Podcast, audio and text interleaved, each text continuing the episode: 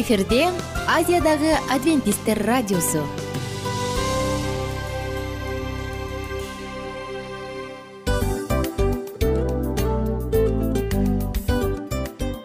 Достор салют. Баардык сүйүктүү угармандарыбызга салам айтабыз. Кутман күнүңүздөр менен. Ден соолук өмүрдүн булагы демекчи саламат саамы программасында баарыңыздарды көргөнүбүзгө абдан кубанычтабыз. Анда алгач амандашып өтөлү арбаңыздар деп. Ден соолугуңуздар кандай элибизде көбүнчө ден соолук кандай дегенде эле жакшы деп жооп беребиз э? ооруп турсак дагы жакшы дейбиз. Анан мен муну айтып ойлойт элем бул абдан сонун сөз депчи анткени бул жакшы деген үмүт да э ооба. баары жакшы болот. Баары сонун. Деп үмүттөнүп атып эле өзүбүздү өзүбүз дарылап коебуз. Анысы кандай? Сиздин дагы ден соолугуңуз жакшы беш деген үмүттөбүз чындыгында ден соолук бул өмүрдүн булагы деп бекеринен айтылган эмес деп ойлойм. Кыргыз элинде. Анткени эгерде ден соолук жок болсо анда адамдын жашоосунда калган баардык керектүү маңыздуу нерселер өзүнүн баалуулугун жоготуп коет. Ошондуктан ден соолук бул эң керектүү нерсе. Ооба туура айтасың кесиптешим. Чынында ден соолугуң жок бир эки үч күн ооруп калсаң эле э кандай болуп калат? Жашоодо көз каранды болуп каласың көп нерсеге жетишпей каласың көп нерсени кыла албай каласың жада калса эшикке дүкөнгө да чыга албай каласың. Туптуура анан ден соолук болсо демек биз биздин бактыбыз тоодой деп койсок болот. Анда достор саламат саамы рубрикабызды баштайлы. Алдыда өзүңүзгө керектүү болгон сонун кеңештерди уга аласыздар. Мына ошондуктан биз менен бирге болуңуздар. Ал эми биз болсо милан жана айнура. Кеттик алга. Алга саламат саама ден соолуктун жарчысы. Саламат саама ден соолуктун ачкычы. Күн сайын сиз үчүн мыкты кеңештер сонун жаңылыктар кызыктуу фактылар. Биздин рубрикада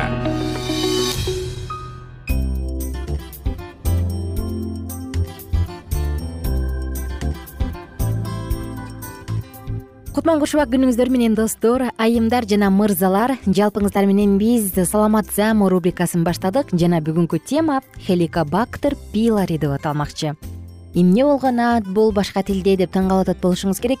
Кимдир бирөө болсо ии мен аны билем аны менен таанышмын деп дароо өзүнүн же жакынынын абалын ойлор. Айтор мына бүгүн биз дал ушул хеликобактер пилари жөнүндө сөз кылабыз. Сизге кызыкпы? Өзүңүздүн саламаттыгыңызды жакшынакай сактагыңыз келеби анда биз менен бирге болуңуз алдыда кызыктын баардыгы бир гана сиздер үчүн. Достор негизи бул хеликобактер пилари жөнүндө айтаардан мурун биз мурунку уктуруубузда ашказан жөнүндө айтканбыз. Эсиңизде барбы? Ашказан кандай? Кандай кызматтарды кандай функцияны аткарат? Э, тамакты кандай кылып чайнап жутуп кандай кылып туура сиңириш керек? Мына ушул жөнүндө сөз кылганбыз. Мурунку уктурууларыбызда биз боор жөнүндө сөз айтканбыз булардын баардыгынын ичинен эми биз хеликобактер пилари же өзүнүн аты айтып тургандай бактерия жөнүндө сөз кылалы деп турабыз. Бул бактерия каякта жайгашат. Ал эмнеси менен коркунучтуу жана аны жеңүүгө мүмкүнбү? Кызыктын баардыгын тең сиздерге айтып берели. Хеликобактер пилари демекчи э, мындан бир нече ондогон жылдар мурун көпчүлүк адамдар доктурлар ашказанда кычкыл көп болгондуктан ал жакта эч бир бактерия жашабайт деп ойлочу. Ал таптаза деп. Бирок бир миң тогуз жүз сексен экинчи жылы эки австралиялык окумуштуу ашказандын ширесинде ашказандын суюктугунда хеликобактер пилари деп аталган бактерия жашай алат деп айтышкан. Жана эмне себептен бул пилари пайда болот? Ал акырындык менен эмнени пайда кылат дегенде алар гастритти айтып келишкен. Дал ушул хеликобактер пилари ашказандын кычкыл суюктуктарын кычкыл баардык былжырларынын баардыгына тең таасир этип алардын механизмине дагы таасир кылат экен дагы ашказандын ичинде гастрит оорусунун пайда кылышын шарттайт экен ошондой эле ашказандын язвасы жана он эки элек ичегинин язва ооруларына алып келет дейт. Элестетип көрүңүздөр. Токсон пайыз язва учурунда язва менен катталган учурлардын токсон пайызында адамдарда хеликобактер пилари бар экендиги бул инфекция алардын ашказанынан эч ак орун алгандыгы далилденген жана ошондой эле ашказан оорусунун рак оорусу. Ашказандын рак оорусу тилекке каршы акыркы учурда абдан көп учуп атат э абдан өсүп атат. Мына аденокарцинома же лимфома болобу негизи бактерия өзүнөн өзү аны дароо эле ракка айландыра албайт. Бирок рак оорусуна чалдыгуусуна жана рак оорусунун күчөшүнө чоң салым кошот экен. Эми бул инфекциянын таралышы жөнүндө айталычы ашказанда орун алган соң ал адамдан адамга жугабы же жукпайбы жер жүзүндө төрттөн үч бөлүгү элестетиңиз. Кандай деген сан э? Бул төрттөн үч бөлүгү абдан эле чоң көрсөткүч.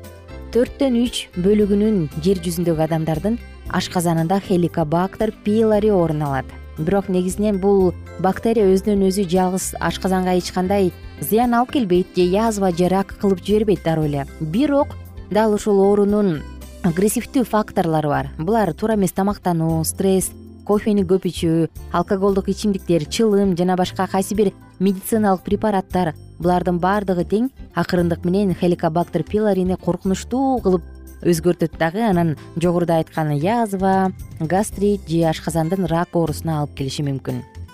Анан дагы хеликобактер пилори бул жугуштуу инфекция. Инфекция деген демек өзү жугуштуу.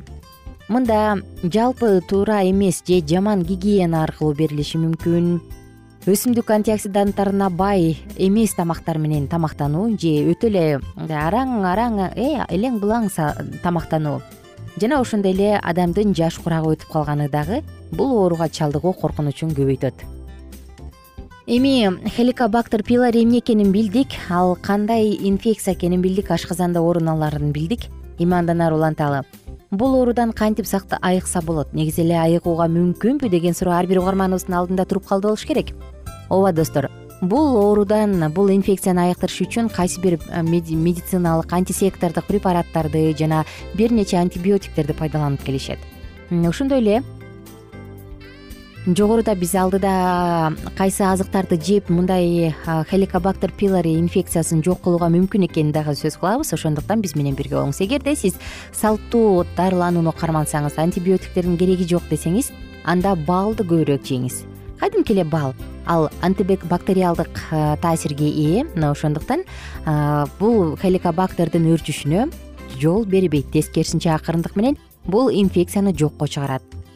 Күнүнө болгону гана бештен он граммга чейин же бир чай кашык э, балды тамакка чейин жарым саат мурун жеп коюңуз. Сиздин саламаттыгыңызга кам көрөт. Ошондой эле брокколи. Күнүнө жетимиш грамм брокколинин гүлүн жеп койсоңуз эки ай бою. Ашказанда хеликобактер пилори инфекциясы элүү пайызга чейин төмөндөйт жана ошондой эле сизде гастрит жокко учурайт. Кызык бирок таң калыштуу болгону менен кадимки эле брокколи. Ошондой эле достор кадимки эле чеснок сарымсак жөнүндө дагы сөз кылбай коюуга мүмкүн эмес. Анткени ушул эле чеснок же сарымсак алицинге тиосульфинатка абдан бай болгондуктан алар э, хеликобактер пилорини өстүрбөйт. Жана тескерисинче тескерисинче жок кылат экен. Мүмкүн болушунча эффективдүү болсун десеңиз анда сарымсактын майы менен дарыланыңыз. Жана клюква. Клюквада дагы бул мөмөдө дагы достор күнүнө эки үч жолу бир нече штуктан бир нече даанадан эки үч стакандан шире иретинде ичип же бир нече даананы жеп кое турган болсоңуз бул зара кубалоочу баардык жолдордогу инфекцияны дал ушул айтылган хеликобактер пилори инфекциясын баардыгын тең жок кылганга жардам берет.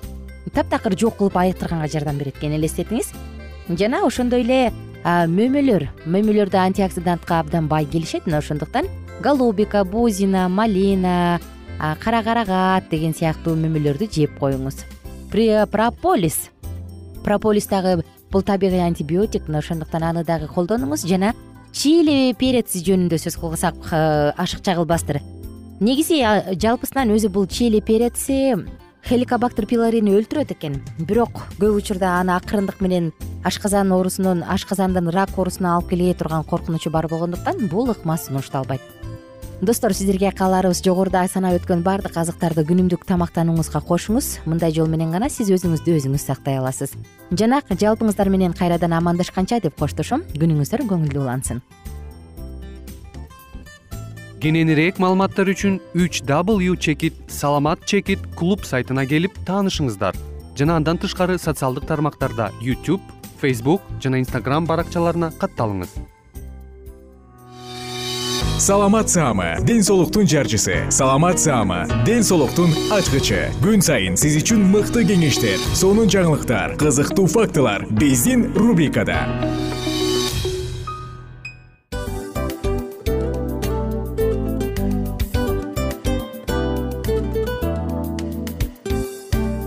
Салам достор. Кайрадан биздин сүйүктүү рубрикабызга кош келиңиздер деп айтмакчыбыз баардык замандаштарыбызга арбаңыздар деп саламыбызды айтабыз. Улуу ушундай бир урматтаган учурашуу менен анан дил маек радио баракчабызга чакырабыз. Негизи дил маек биздин рубрикабызда эмне жөнүндө кеп кылабыз бул дил маектин мааниси эмнеде рубрикабыз менен кичине тааныштырып кетсеңиз. Сөзсүз түрдө тааныштыра кетейин кесиптешим суранычы боюнча бул учурда бул радио баракчада биз ар тарап кесип ээлеринен сонун кеңештерди алабыз сүйлөшөбүз сырдашабыз. Аталарыбыздын эжелерибиздин апаларыбыздын кеңештерин угабыз айтор. Жан дүйнөгө адамдын э, сапатына адамдын деги эле адам болуп жашашына керектүү баардык кеңештер алдыда. Негизи э, дил маек дегенде баягы эки адамдын ортосундагы сырдашуу кенен сүйлөшүү. Негизи эле биз адамдар бири бирибиз менен бир жерге жай жерге отуруп алып өзүнчө тынч жашоо жөнүндө өмүрүбүздө эмне болуп атканын бөлүшкөнү жакшы көрөбүз э адамдар. Ооба туура айтасың. Анан мындай учурга кээде убакыт да жетпей келет э. Же болбосо сырыңды кайгыңды муңуңду кубанычыңды айткың келет а адамга ишенбешиң мүмкүн. Ооба. А бул радио баракча угармандарыбыздын чыныгы досу. Анткени бизден алган кеңеш сиздин жашооңузга чоң жардам берет. Ал эми сиздин бизге айта турган сөзүңүз ортодо гана сыр бойдон калат. Ошондуктан биздин дил маек рубрикабызга дагы бир жолу кош келиңиздер жана биз даярдаган маалыматтарга даяр болуңуздар. Айнура жана милан сиздер менен бирге алдыга кеттик. Ар түрдүү ардактуу кесип ээлеринен алтын сөздөр жүрөк ачышкан сыр чачышкан сонун маек дил маек рубрикасында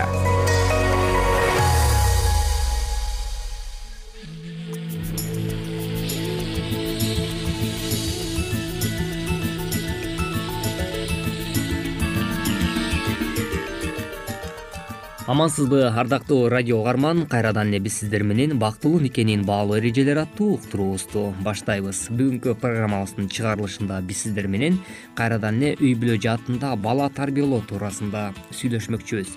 Тактап айтканда программабыздын темасы бала тарбиялоодогу бир нече принциптер туурасында кеп кылабыз. Көптөгөн ата энелердин оозунан мындай деген сөздөрдү дагы угуп калсак керек. Баламды кантип тарбиялоону билбей калдым. Анан калса да аны кылсам да муну кылсам да таптакыр болбоду. Баламдын кежирдигинен чарчадым дешет. Демек бул туурасында бүгүнкү уктуруубузда сөз кылабыз. Урматтуу радио угарман сиздер болсо биздин оодон алыстабай бул мүнөттөрдө биз менен биргеликте болуңуз микрофондо кайрадан эле кызматыңыздарда аты жөнүм менин улан кубанычбеков жана ошондой эле менин кесиптешим. Жана мен асель мамбетова саламатсыңарбы? Коом өзгөрүп илим тереңдеген сайын баланы тарбиялоодо татаал болуп калды. Дүйнөлүк психологдордун изилдөөсүнүн жыйынтыгы жана кыргызстандык психологдордун талдоосу менен баланы туура тарбиялоонун багытына токтолобуз. Сизге бул программабыздын бир аз да болсо жардамы тиет деген ойдобуз. Ал эми бул туурасында бала тарбиялоо жаатында деги эле дүйнөлүк э, психологияда мындай деген түшүнүктү айтып келишет. Э, бала деги эле энесинин курсагында түйүлдүк боло баштагандан баштап эле баланы тарбиялаш керек деп айтышат эненин курсагындагы түйүлдүктү көпчүлүктөр бала деп эсептешпейт экен качан гана ал төрөлүп эс тарта баштаганда аны олуттуу кабыл алып мамиле жасай башташат. Бул туура эмес. Психология бала түйүлгөн кезде башталат. Аң сезими жакшы акыл эстүү тарбиялуу балалуу болгусу келсе ата эне баланы пландаганда анын тарбиясы жөнүндө ойлонуш керек эки жаштын тунук махабатынан мыкты түйүлдүк түйүлүп аялдын өзүн жакшы алып жүрүшкөнүнөн жолдошунун мамилесинен баланын психологиясы калыптанат. Энеси ыйлап жатса баланын туулушу керек керек эместиги ата энесинин ойлондуруп жатса үйдө уруш талаш өкүм сүрсө ал бала жакшы аң сезим менен туулбайт жана аны тарбиялаш өтө оор болот ошондуктан урматтуу ата энелер бул жаатта дагы баланын түйүлдүк кезинде эле өзгөчө маани бергениңиз маанилүү экендигин эске алганыңыз абдан жакшы. Ошондой эле балдардын үч төрт жашка чейинки э, аларга ата эненин мээрим төгүүсү албетте бул ажырагыс болот эмеспи. Демек бул туурасында дагы кандай кеңештер бар ушул туурасында дагы бир нече психологдордун айткан кеңешине кулак салыңыз. Бала төрөлгөн соң ага мээрим жана сүйүү бериш керек кучактап өөп жыттап эле эмес. Ата энеси менен баланын жан дүйнөлөрү бир адамдай байланыш керек. Аны туура эмизүү туура көңүл буруу баланын көзүнө жакшы нерселер көрүнүшү жана анын жанындагы адамдардын туура жүрүм туруму зарыл. Наристе кезде көрүү угуу менен баарын кабыл алат да мээси калыптанат. Бир жаштан өткөн соң ал менен болгон сүйлөшүүнү күчөтүү абзел жана ата эненин ага айткан сөздөрү менен кылган иштери дал келүүсү өтө маанилүү. Бала үч төрт жашка чейин ата энесинин гана колунда болгону жакшы. Себеби бул учурдагы бала менен ата эненин бир болуусу бири биринин мээрими менен бышык байлап калган учур болот мындан сырткары дагы урматтуу ата энелер биз балдарыбызды өсүп жетилүүсүндө жана ошондой эле жаш өзгөчөлүктөрүнө ылайык кандай ыкмаларды колдонуу менен тарбиялаганыбыз жакшыраак болот. Бул туурасында айрым бир психологдордун кеңештерине дагы токтолуп өтөлү. Кээ бир учурда балдар туура эмес иштерди кылып алып апаларынан кечирим сурашат. Демек бул нерседе сиз эч убакта алданбаңыз. Үч жаштан кийин баланы өз алдынчалыкка үйрөтүү керек аны көп эркелеткенди токтотуу зарыл. Туура эмес иш кылса жазасы болорун билдирүү керек. Жаза алгандан мурун ката кетирбегенге үйрөтүү эң туура тарбия. Туура эмес иш кылып алып кечирип кой апа дей берген баласын көрүп кээ бир ата энелер кубанат. Бирок ал адаттан арылыңыз. Кечирим сураган жакшы бирок ар убак ката кетирип кечирим менен ата энесин сооротконду адат кылып алуу тарбиядагы эң кооптуу иштердин бири. Мүмкүн болушунча кечирим сурай турган иш болбоого тарбиялаңыз. Ошондой эле урматтуу ата энелер алгач сиздер балдарыңыздар үчүн үлгү болгонуңуз абдан маанилүү экендигин адистер белгилеп өтүшөт. Бул жаатта ата эне өзү кылып жаткан иштерине дагы көңүл буруусу зарыл тактап айтканда таза болбой туруп баладан тазалыкты эч убакта талап кылбагыла. Жумуш деп жүрө берип баланы унутуп койгон кишилер көп. Иш практикада атанын мээримине муктаж болуп көп ооруларга кабылган балдарды кезиктиребиз. Айрыкча аталардын кымбат мектепке окутуп жатам. Балдардан кем кылбай каалаганын алып берип жатам. Эл кийбегенди кийип жебегенди жеп жатат. Дагы эмне кылышым керек дешет бирок сурай келсең баласы эмнени жакшы көрөрүн эмнеге кызыгаарын кайсы сабакты жакшы окурун билбейт. Бала ойгоно электе ишке кетет уктагандан кийин келет. Мындай абал баланын психикасына да тарбиясына да өтө чоң таасир берет.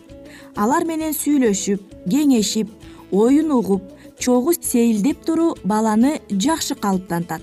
Ошол эле учурда ата эненин кылган иши менен сүйлөгөн сөзү дал келүүсү абзел эне жыйнактуу эмес болуп туруп кызынан тазалыкты талап кылуусу. Атасы жаман жолдо басып баласынан түз жолду талап кылуулары туура эмес. Бул адаттар бала өсүп жетилген сайын анын коомго аралашуусунда туура эмес ой жүгүртүүлөрдү пайда кылат кымбаттуу ата энелер бул туурасында дагы айрым бир кеңештер сиздердин жашооңуздарга өзүнүн жакшы натыйжасын берет деген үмүт менен бизге бөлүнгөн убакыт дагы өз соңуна келип жетти. Бүгүнкү программабыздын чыгарылышында ардактуу радио каармандар сиздер бала тарбиялоо жаатындагы психологдордун берген кеңештерине кулак сала алдыңыз. Тактап айтканда бала тарбиялоодогу принциптер туурасында биз кантип үй бүлөлүк шартта балдарыбызды туура тарбиялоодо кандай колдонушубуз керек ушул туурасындагы ойлорго орток болдуңуз. Ардактуу радио каарман уктуруубузга кулак төшөгөнүңүз үчүн ыраазычылык билгизебиз. Кайрадан эле биз сиздер менен бактылуу никенин баалуу эрежелери аттуу уктуруубуздан кезиккенче амандыкта туруңуз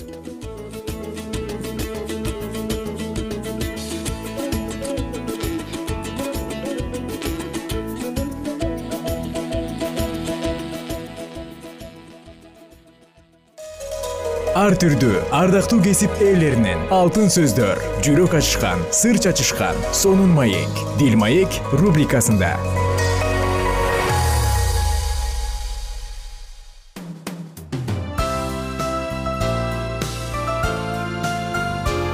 Эфирде азиядагы адвентисттер радиосу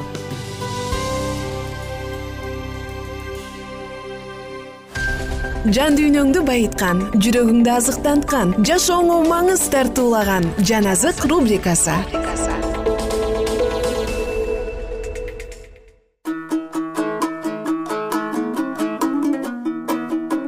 Саламатсыздарбы достор. Сиздер менен бирге биз саатыбызды баштадык. Жаназык уктуруусу жана отуз биринчи бөлүмгө мурун келип токтогонбуз. Андан ары улантабыз эсиңизде болсо жакшы аял жөнүндө бир нече мүнөздөмөлөрдү окуганбыз. Дал ушул аяттарды окуяны бөлбөстөн бир жолу окуп кетиш үчүн келиңиздер кайрадан. Онунчу бөлүмдөн баштайлы. Накыл сөздөр отуз биринчи бөлүм онунчу аят. Ким жакшы аял таба алат? Анын баасы асыл берметтерден да жогору. Ага күйөөсүнүн жүрөгү ишенет. Күйөөсү кирешесиз калбайт ал күйөөсүнө өмүрү өткөнчө жамандык менен эмес жакшылык менен гана кайтарат. Ал жүн зыгыр буласын өндүрөт өз колу менен чын жүрөктөн иштейт. Ал аял соодагерлердин кемелерине окшоп өзүнүн нанын алыстан табат. Ал таң ата электе эле туруп үйүндөгүлөргө тамак берип күндөрүнө белгиленген иштерди тапшырат. Жер алгысы келсе ага да ээ болот өз колунун жемиши менен жүзүмзар отургузат. Белин бекем бууп булчуңдарын чыңайт. Ал өз ишинин жакшы экенин сезет анын чырагы түн ичинде да өчпөйт. Колун жип ийирүүчү жарыкка сунат колуна ийик алат. Жардыларга алаканын ачат муктаж болгондорго колун сунат. Суук болгондо үй бүлө мүшүйт деп коркпойт анткени анын үй бүлөсү эки сыйрадан кийим кийген. Ал өзүнө килем согот. Ак мата менен кызыл шайыдан кийим кийет. Анын күйөөсү кадырлуу адам дарбаза алдында уруу аксакалдар менен отурат. Ал жабуу жасап сатат финикиялык соодагерлерге кур жеткирет күч менен сулуулук анын кийими. Ал келечекке кубанычтуу карайт. Акылмандык менен сүйлөйт момундук менен акыл насаат айтат. Ал өз үйүндөгү чарбасына көз салат бекер тамак жебейт. Балдары туруп аны сыйлашат күйөөсү туруп аны мактайт. Жакшы аялдар көп болгон бирок сен алардын баарынан ашып түштүң. Сүйкүмдүүлүк алдап кетет сулуулук өтүп кетет. Бирок теңирден корккон аял мактоого татырлык ага өз колунан чыккан жемишинен бергиле. Иштери аны дарбаза алдында даңктасын деп айтат. Кымбаттуу достор бүгүн сиздер менен биз накыл сөздөр китебин бүттүк. Келиңиздер бирге насаатчы китебин чогуу баштайлы биринчи бөлүм. Иерусалимдеги падыша дөөттүн уулу насаатчынын сөздөрү. Түйшүктүн түйшүгү деди насаатчы түйшүктүн түйшүгү бардыгы түйшүк. Адамга өзүнүн күн астында мээнеттенген эмгегинен эмне пайда? Бир муун өтөт бир муун келет. Жер болсо кылымдан кылымга тура берет. Күн чыгат күн кайра батат. Ал өзүнүн ордуна чыккан жеринен шашат. Шамал түштүккө согот. Андан түндүккө өтөт ал өз жолу менен тегеренип жүрүп чыккан жерине кайтат. Дарыялардын баары деңизге барып куят бирок деңиз ашып ташып кетпейт. Кайра агыш үчүн дарыялар өздөрүнүн чыккан жерине кайтышат. Бардыгы эмгектенүүдө эч ким аны сөз менен айтып жеткире албайт. Көз көргөнүнө тойбойт кулак укканына тойбойт. Мурун эмне болсо азыр да ошол боло берет мурун эмне жасалса азыр да ошол жасала берет. Демек күн астында эң жаңы эч нерсе жок. Адамдар карасаң бул жаңы нерсе деп айта турган бир нерсе болушу мүмкүн бирок ал бизден мурун өткөн кылымдарда эле болгон. Мурун болгон нерселер эстелбейт. Ошондой эле боло турган нерселер кийинкилердин эсинде калбайт. Мен насаатчы иерусалимде ысрайылдын падышасы болгом. Мен асман астында эмне болуп жатса ошонун баарын акыл менен сынаганга изилдегенге көңүл койдум. Бул татаал. Мындай ишти кудай адам баласына машыгып турсун деп берген. Мен күн астында жасалып жаткан иштердин баарын көрдүм. Анын баардыгы курулай убаракерчилик жана рухтун кыйналуусу. Ири түзөлбөйт. Жок нерсени бар деп эсептөөгө болбойт. Мен өзүмө өзүм мындай дедим. Мына мен иерусалимге менден мурун бийлик кылгандарга караганда көбүрөөк акылмандуулукка ээ болдум. Менин жүрөгүм көп акылмандыкты жана көп билимди көрдү. Мен акылмандыкты таанып билүүгө. Акылсыздык менен түркөйлүктү таанып билүүгө көңүл койдум. Бул да рухтун кыйналуусу экенин билдим. Анткени акылмандуулук канчалык көп болсо кайгы ошончолук көп. Билимин арттырган адам кайгысын да арттырат. Экинчи бөлүм. Мен жүрөгүмдө мен сени шаттык менен сынап көрөйүн жакшы нерселерден ыракат ал дедим. Бирок бул да курулай убаракерчилик экен. Мен күлкү тууралуу бул акылсыздык дедим. Ал эми шаттык тууралуу мындан эмне пайда? дедим. Жүрөгүмдө денемди шарап менен ыракаттандырайын деген ойго келдим. Бирок жүрөгүмдү акыл башкаргандыктан адам баласы үчүн эмне жакшы экенин ал өзүнүн кыска өмүрүндө асман астында эмне кылыш керек экенин билиш үчүн акылсыздыкты сынап көрөйүн дедим. Мен чоң иштерди жасадым. Өзүмө үйлөрдү жүзүм зарларды бакчаларды сейил бактарды өстүрдүм. Аларга мөмөлүү дарактардын түрүн отургуздум. Токойдо өскөн бак дарактарды сугарып туруш үчүн көлмөлөрдү курдум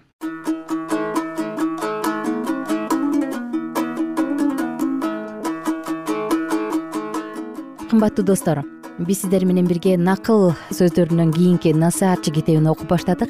Алдыда буюрса кийинки уктуруубузда дагы саатыбызды улантабыз ага чейин кайрадан амандашканча сак саламатта туруңуздар. Күнүңүздөр көңүлдүү улансын.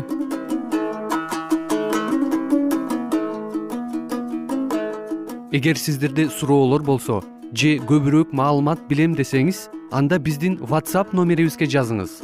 плюс бир үч жүз бир жети жүз алтымыш алтымыш жетимиш. Кайрадан плюс бир үч жүз бир жети жүз алтымыш алтымыш жетимиш.